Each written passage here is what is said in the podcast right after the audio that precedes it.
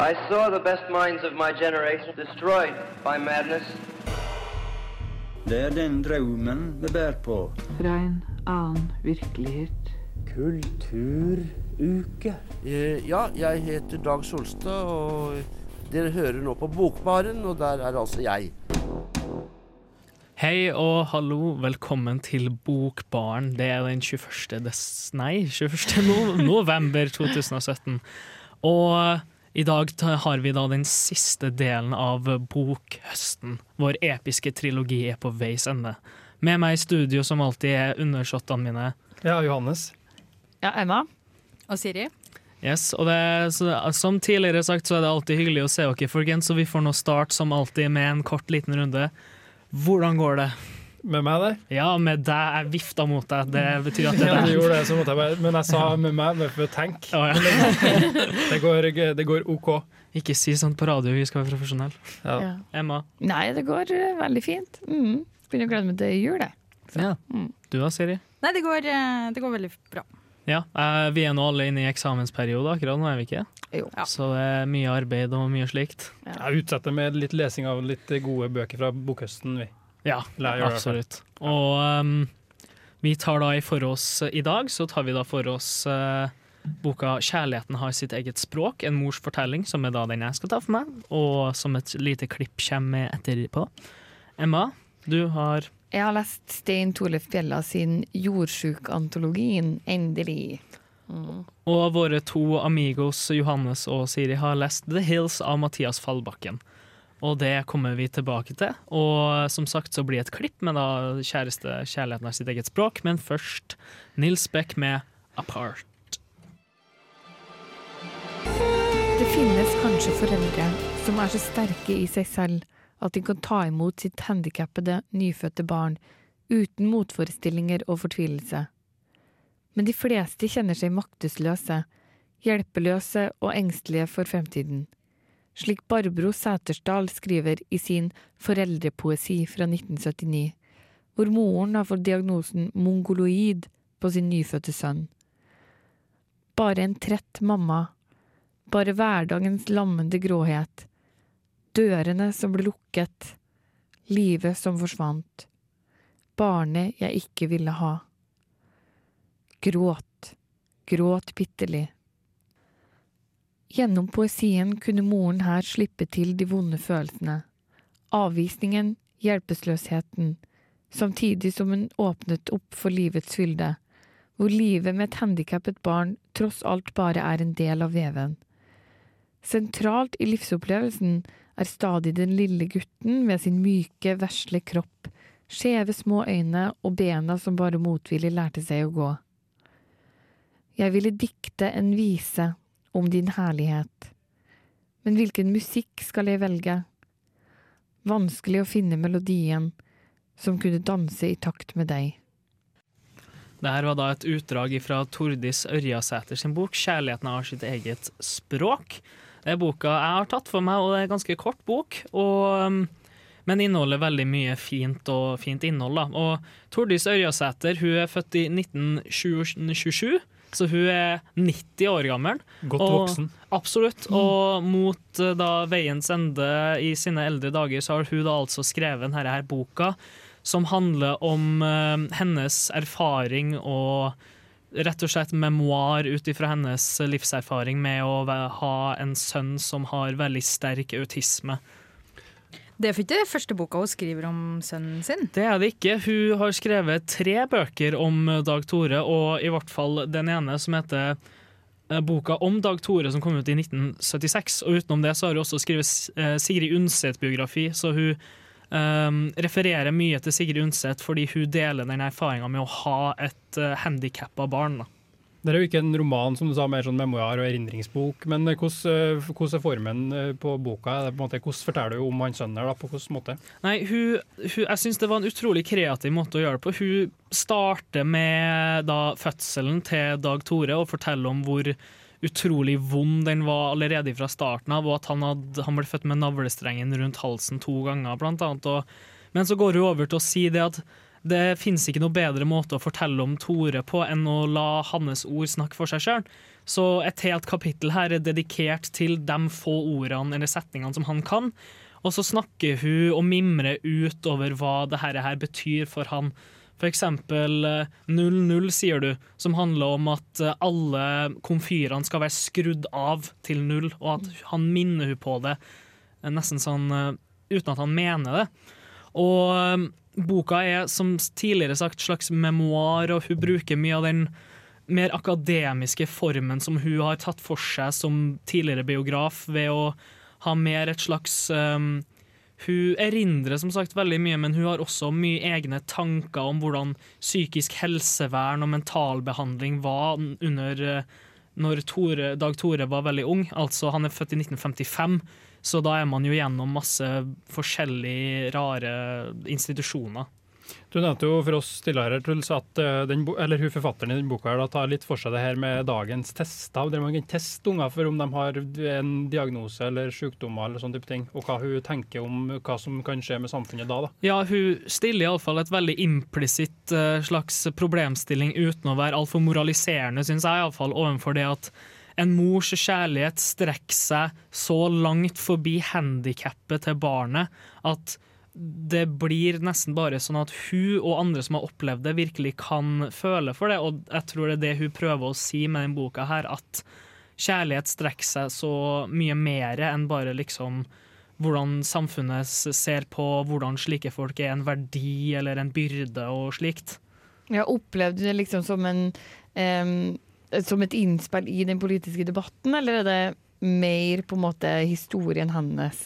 Hun tar noen vinklinger som kanskje er- er litt for eksplisitt eh, med at hun hun nevner litt grann om eh, hvordan det her på en måte er litt sånn genetisk selektivt og umoral i det. da. I hvert fall hun tyder mot det. Men alt i alt en utrolig rørende og fin bok, og jeg syns den var kjempefin og utrolig kort. Så absolutt en v- Det er, Yay! verdt å, å ja, fin, eh, fin eksamenslektyre, da, Ja. den er så kort. Ja, absolutt. Eh, Men nå skal vi videre. Vi skal høre The Ida med Bushfire.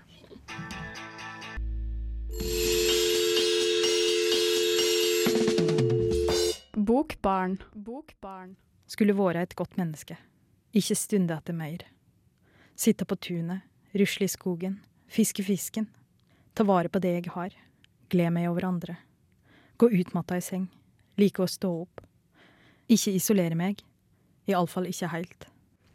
Ja, det er et utdrag fra Stein Torleifs Bjella, Bjellas bok 'Jordsjukantologien'. og Stein Toref Bjella har jo utmerka seg i det norske kulturliv med både jernskjegget hans, som Knut Hamsun muligens ville kalt han for, og, men han er jo en veldig markant figur, da. Så hva tenker vi egentlig om han, egentlig? Ja, Stein Toref Bjella er jo først og fremst kjent som låtskriver og musiker. Og han skriver tekster på norsk og har gitt ut jeg tror det er fire-fem album siden begynnelsen av 2000-tallet. Så han er jo en velkjent figur og populær låtskriver, tenker jeg. Men eh, hva er det som skiller han fra andre norske artister, og hvorfor eh, tror vi at han er så, at han eh, er så prominent på denne her kulturelle arenaen? Ja, det er et godt spørsmål. Jeg tror nok det handler en del om det, den måten han skriver på, og det han skriver om, kanskje. Ja, det er enig i måten, det han skriver om, og det, det, det er enig i Emma, men samtidig den karakteren som han er. For han øhm, Jeg vet ikke om du nevnte men han, jeg tror han er midt i 40-årene, kanskje. Så han, ble, han er blitt veldig populær nå, som du snakket om, men han ble veldig populær ganske sent. Altså, I sånn, hvert fall i sånn, sånn hipt musikkmiljø så står han kanskje ut blant øh, liksom, folk, folk er jo ofte sånn 20 år nå når de slår igjennom, eller sånn. En del er i hvert fall Mm. veldig ung, da. Så han er en sånn øh, gammel fyr med skjegg øh, som, som skriver poetiske tekster og sånt. Ja, og så tror jeg det handler gammel om, eh, om nettopp de her tekstene her, og innholdet i dem, for han er jo tilsynelatende en ganske liksom, staut kær med, med skjegg, som skriver eh, mye om, eh, om romantikk og, og sårbare tema. Den, Mm. Kanskje den mest kjente låta er jo 'Romantikken gjør meg sjuk'. Da. Og I tillegg så, så eh, skriver han mye om bygda og livet på bygda. Og, og så har han en del karakterer i musikken sin som, han, som er gjennomgående. Mm, ja, jeg tenkte bare å si at det er enig det du sa, Siri, med tekstene, men også musikken. da, At han har fine låter som, eh, og en eh, Mm. særegen sanger, ikke minst. Mm. Og den, eh, den boka han har gitt ut nå, eller den diktsamlinga han har gitt ut nå, heter jo Jordsjukantologien. Eh, vi har lova på Facebook at vi skulle fortelle hva jordsjuk er for noe. Å være jordsjuk, det er rett og slett å være grådig på jord. Du vil ha all jorda rundt deg, og du vil kjøpe den fra folk som ligger på dødsleiet, og samle inn signaturer fra folk som er hjelpeløse. Det er å være jordsjuk. Ja, du, du nevnte tidligere at det- diktsamlinga tar for seg litt ulike karakterer. Men jeg kan fortelle sånn rent eh, privat, eller hva heter det, ikke privat, men fra livet til Bjella, så han er en sånn grunneier sjøl, har han følt på konserter var på. Ja. Ja, jeg, jeg liker i hvert fall bjella kjempegodt, og vi fortsetter med bjella, vi. Men først skal vi høre Tame Impallas nyeste fra EP-en deres, 'List of People to Try and Forget About'. Dalsita, modell Fjellro premium, 3,4 mil. Det er ikke måltrostehøyrer. Det er ikke orrleik og sus i trekrona. Det er ikke snødyna over Nysetnippen. Det er ikke undring over årstider og livets gang. Bare en skråsikker dur, fra bensinaggregatet til hyttenaboen. Nonstop. Nå steiker hun vafler til Dagsrevyen. Det er mange i antologien som trenger mye oppmuntring. Det er slitsomt, men trulig verdt det. Ja, for nå skal Bjellas eh, bok, 'Jordsjukantologien', eh, grilles. Under lupen. Ja. Um, ja, jordsjukantologien. Jeg tenker uh, som ja, uh, Bjella-fan, om man kan kalle, kalle meg det, så vil jeg si at jeg ser mye likhetstrekk mellom tekstene i jordsjukantologien og i uh, og Bjella sine låttekster. Men det du kan si er at em, i jordsjokkantologien så har han ti ulike karakterer som han øh, dikta gjennom, så du får ti ulike perspektiv på ei sånn lita bygd. Og her har du noen som er jordsjuk, som bare vil ha, ha, ha karv til seg mer jord. Og så har du noen som prøver å arbeide for miljøet i bygda, og så har du noen som bare vil være i fred. Så han har ti ulike karakterer som er navngitt sist i, i samlinga, men som ikke er eh, som ikke er navngitt underveis i boka. Jeg bare er nysgjerrig. Er det alle kærer eller? Nei, ikke alle mannfolk. Det er eh, i hvert fall Jeg tror det er tre damer, i hvert fall. Som, men, men det er definitivt altså, det definitivt én mann, så han uh, Sverre, da heter han. Han som er jordsjuk, han som er ute etter eiendom. Da. Det er han som på en måte får, kommer mest til ordet, da, kan du si. Ja, hvordan er, hvordan er den inndelt? Er inndelt sånn, som en klassisk fragmentarisk diktsamling som danner et narrativ, eller er det Altså på, Som utseendemessig så ser den ut som en hvilken som helst annen diktsamling. kan du si, så Den har eh, bare ulike dikt. og Det står ingen plass hvem det er sitt perspektiv. Det er jeg-perspektiv hele veien, og du forstår at det er ulike karakterer som forteller, men det, men det er liksom eh, godt å blande her. Da. Så, så en av de tingene jeg vet med det ble, Jeg oppdaga ganske tidlig at det var en sånn karakteroversikt sist i i uh, diktsamlinga. Så jeg ble jo veldig opptatt av hvem det var som snakka, kunne identifisere hvem som snakka. Um, du nevnte at det var, du så noen likheter med te- tekstene hans i musikken. Men har du gjort deg noen tanker om, du, om det er noen forskjeller, eventuelt? eller hva du tenker det? Ja, jeg syns at um, Altså, han er jo mye mer sånn spesifikk, kanskje. Her forteller han ganske spesifikk historie. Ganske sånn Altså, det er en historie om en traktor som, kjører, som blir kjørt fast i skogen. Og det, altså det, det er sånne små brøkdeler som til sammen utgjør en sånn slags karakteristikk av ei bygd. Men eh, mens at de tekstene som kanskje jeg har mest forhold til av Stein Torleif Bjelle, er jo ofte historier om folk, men kanskje sånn som er litt mer generelt. Handler om den store kjærligheten, eller ja. Ja, Er det litt prosadikt, eller at det er en slags fortelling i diktet? Så er det en fortelling om en karakter eller livet deres, eller? Ja, og en av de tingene som jeg liksom leita litt etter, var det her med rytme. Liksom hva, ja, om vi kunne finne rytme. Og jeg føler at den første gjennomgangen min så leste den nærmest som en prosatekst.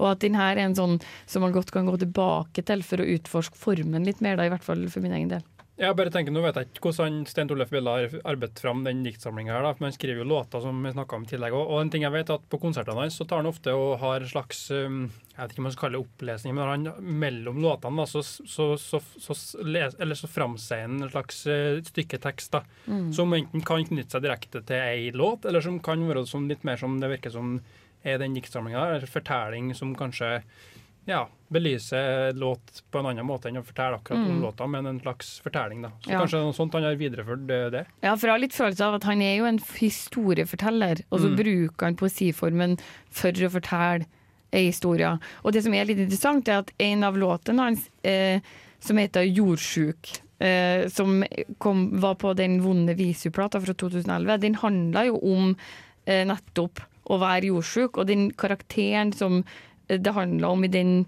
låta, minner veldig om han Sverre her, som er den jordsjuke i jordsjukantologien. Så det virker som han liksom tar med seg karakterene sine fra musikken og over i, i poesien. da. Men eh, ja, for eh, vi kjenner jo Bjella først og fremst som musiker og låtskriver, så jeg lurer på, hvis du skal spekulere litt, hvorfor tror du dette er en diktsamling og ikke en f.eks. for eksempel konseptskive? da?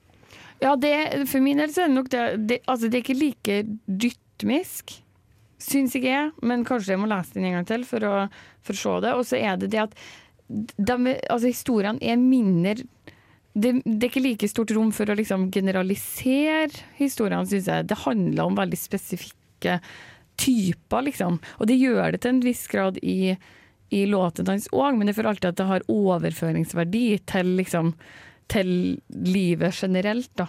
Og heller ikke rim, vel? eller? Nei, ikke noe rim. Det er det ikke. Og så I tillegg så har du jo faktisk Deler av teksten er jo faktisk prosa. Så det, Mm. det er deler som, som ikke er skrevet på vers, da, om du kan si det sånn. Mm. Mm. Så det er litt god blanding av hvordan han bygde den opp, da. Men ja, jeg tror at som plate hadde den kanskje blitt litt, eh, litt kjedelig. Kanskje, ja.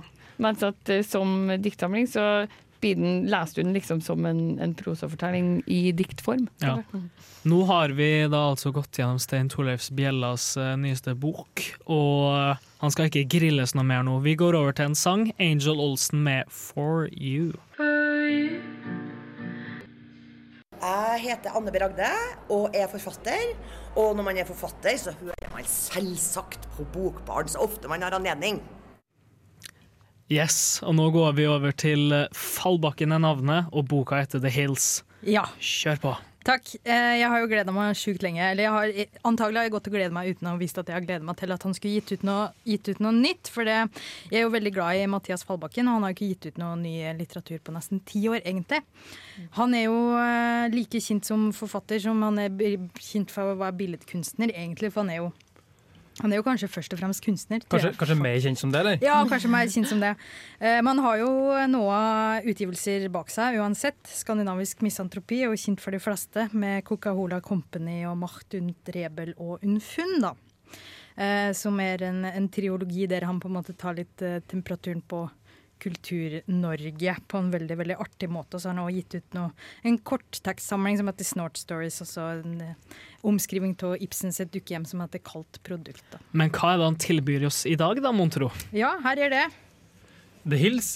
Den, eh, han- det- Handlinga foregår på en restaurant i, en fiktiv restaurant i Oslo som rett og slett heter The Hills. På den restauranten så er det sånn at uh, ideen om det gamle Europa holdes i hevd, kan man si. Det er gourmetmat og det er kultivert konversasjon står høyt i kurs. Og ikke minst stil. Der finner folk fra det øvre sjiktet i samfunnet med fine dresser med, som er skreddersydd osv. Um, restaurantens kelner som eh, er fortelleren, som har, han jobba der i mange år, og på en måte, det er det hele livet hans er det å gå der og jobbe og observere gjestene. og så, så han forteller om det i boka. da. Vi blir kjent med et knippe av gjestene der. Det er en som kalles eh, Grisen, og en egentlig Gra Graham, eller Graham. Uh, og en venn av han, Blaze, så det er en ganske sånn overklassenavn. Eh, du har òg vennen hans, uh, kelnerens venn, også Edgar, og hans datter Anna. Og kanskje viktigste karakteren i, som er gjest, da, det er ei som er, plutselig dukker opp som ny gjest i restauranten, som, ikke, som vi ikke har fått navnet på, men hun er ei ung dame. Ung og ganske vakker og vakker dame, som eh, kelneren bare kaller Barnedamen. Og det er egentlig med hennes inntreden i det her eh, universet, for å kalle det det, at eh, ja, hva, skal, man si, både pro problemene og utfordringene oppstår for, mest for hovedpersonen, kanskje, altså for fortelleren. Kanskje ikke så mye for restauranten, egentlig, men for han, da. Jeg bare Altså, hvilket, hvilket tidsrom er vi eller hvilken tidsepoke er vi her?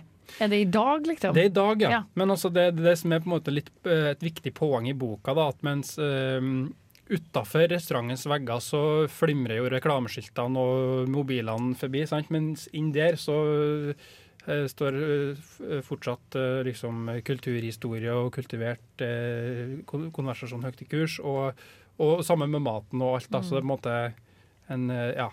Det står i kontrast da, til samtida. Ja, det er det. Og det her, her roer de veldig ned, og du bruker egentlig ikke telefonen din til å sitte noe særlig på sosiale medier. Og i hvert fall ikke de her favorittstamgjestene til kelneren.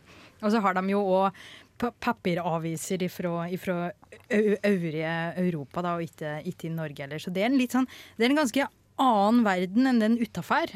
og den her verden nå manifesterer seg i at det, de her forskjellige borda, da, stamborda òg, utgjør forskjellige verdener for kelneren. Og så kommer hun her barnedamen inn, da, og hun går ifra liksom ene bordet til det andre. Eh, og, og blir kjent med gjester på tvers av stamborda sine, og, og, og da oppstår de her kollisjonene. da. Så han har på en måte laga et mikrounivers av den eh, restauranten. Ja. det. Mm. Vi skal fortsette med Fallbakken og The Hills, men først skal vi høre Loop Healy med Off Top. Velkommen tilbake til Bokbaren. Ja. Vi, eh, vi, jo, eh, vi prater jo om Mathias Fallbakkens nyeste roman The Hills, som eh, handler om den her restauranten The, The Hills, da. Og der hun her barnedamen gjør sitt inntog, og, og plutselig så bare Altså, kelneren mister på en måte fotfestet. Alt han visste, er feil.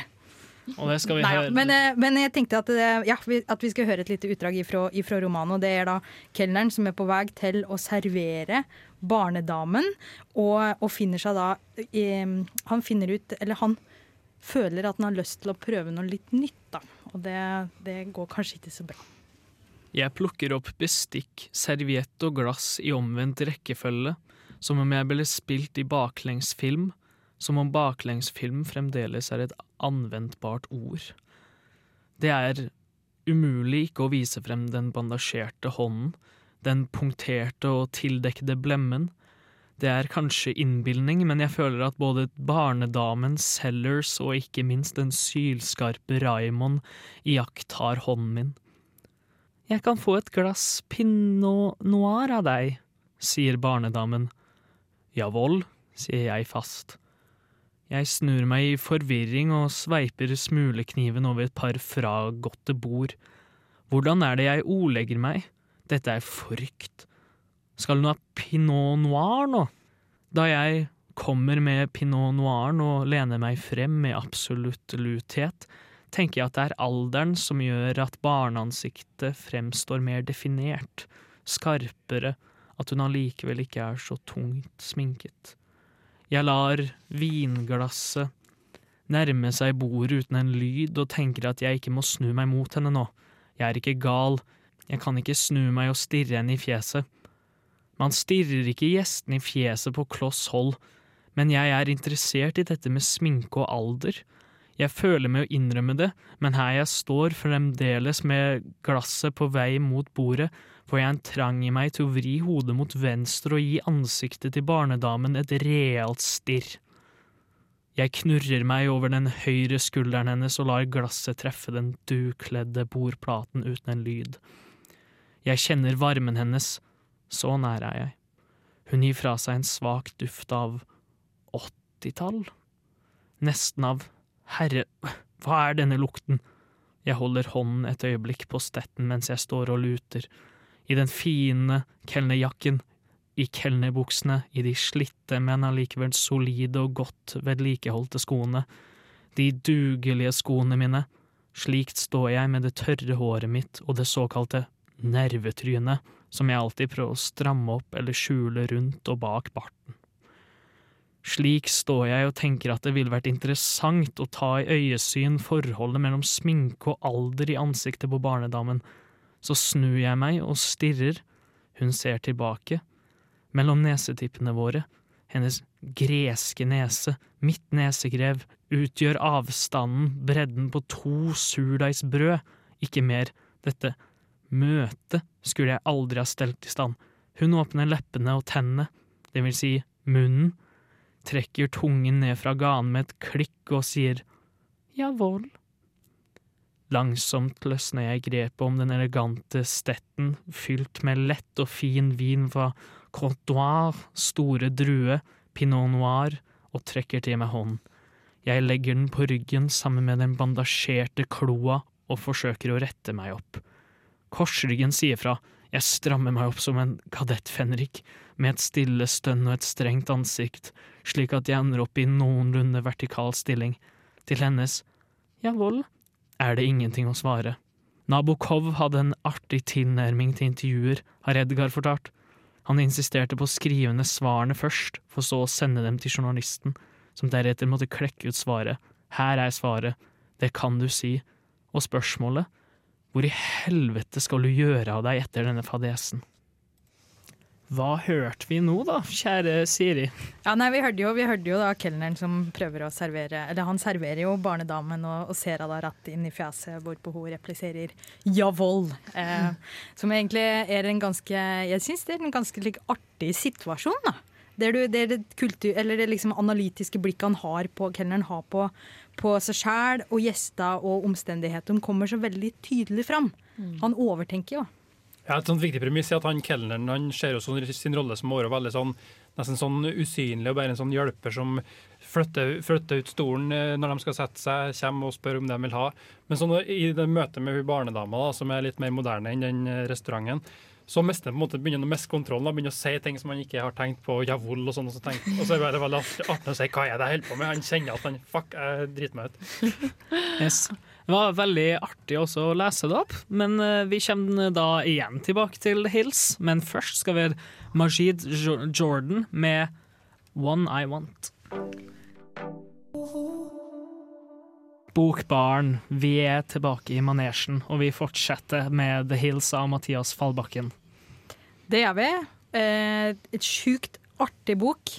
Som vi jo hørte, hørte på det kløppet du lastet opp eh, før låta og, og Truls. Men det er jo ikke bare de her absurde situasjonene som oppstår som gjør boka så utrolig artig, men det er bare språket i sin helhet. Jeg vet du, eh, Johannes, har jo bitt av merkene og Ja, altså jeg har tenkt på det at En ting som er veldig artig med han kelneren, altså jeg-fortelleren sitt språk, da, er at han, han har veldig mye kunnskap om som historie og kultur, kulturhistorie og kunst. og sånn. Han går og fabulerer om det for seg sjøl og, og sånn.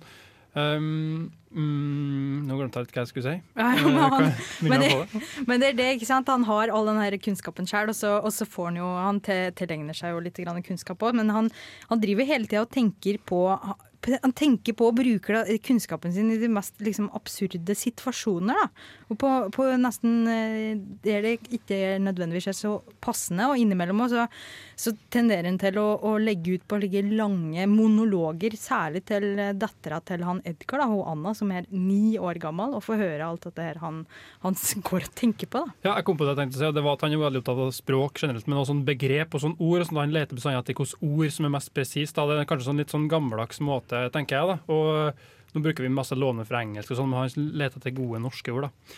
Jeg tenker En annen ting som er viktig i boka, i tillegg til humoren, som er noe av det beste, jeg sier det enig så er det liksom en slags underliggende kulturkritikk som ligger der. For dem, som sagt, så er de, de på The Hills, da, særlig Kelleren, er veldig opptatt av kultur og historie og filosofi. da. Og kontrasterer det her med på en måte samtida vår. nå det, det her kanskje forsvinner litt av den her kulturen. Um, og det han kaller er veldig redd for og kritisk da, det er jo når hun her, som kalles barnedamen, da, som på en måte er symbolet på det samtidige og moderne som ikke har kontakt med historien. da, som, er, på en måte, som gjør han så satt ut. da, Han er både sånn, veldig fascinert av henne, for hun er ganske sånn tiltrekkende, for han virker som, og, og litt spennende, men også veldig fryktinngytende. Så det blir på et tidspunkt sagt, at, sagt om hun at hun, hun gjør alt hun kommer borti, om til seg sjøl. Mm. Så det er sånn, sånn, liksom sånn på en måte en anlegger til samtida, kan man kanskje tenke at det er sånn samtidig, samtida uten hukommelse. Men er han på en måte provosert av henne, eller, eller Altså liker han henne, eller er det en sånn fascinasjon som kommer fram?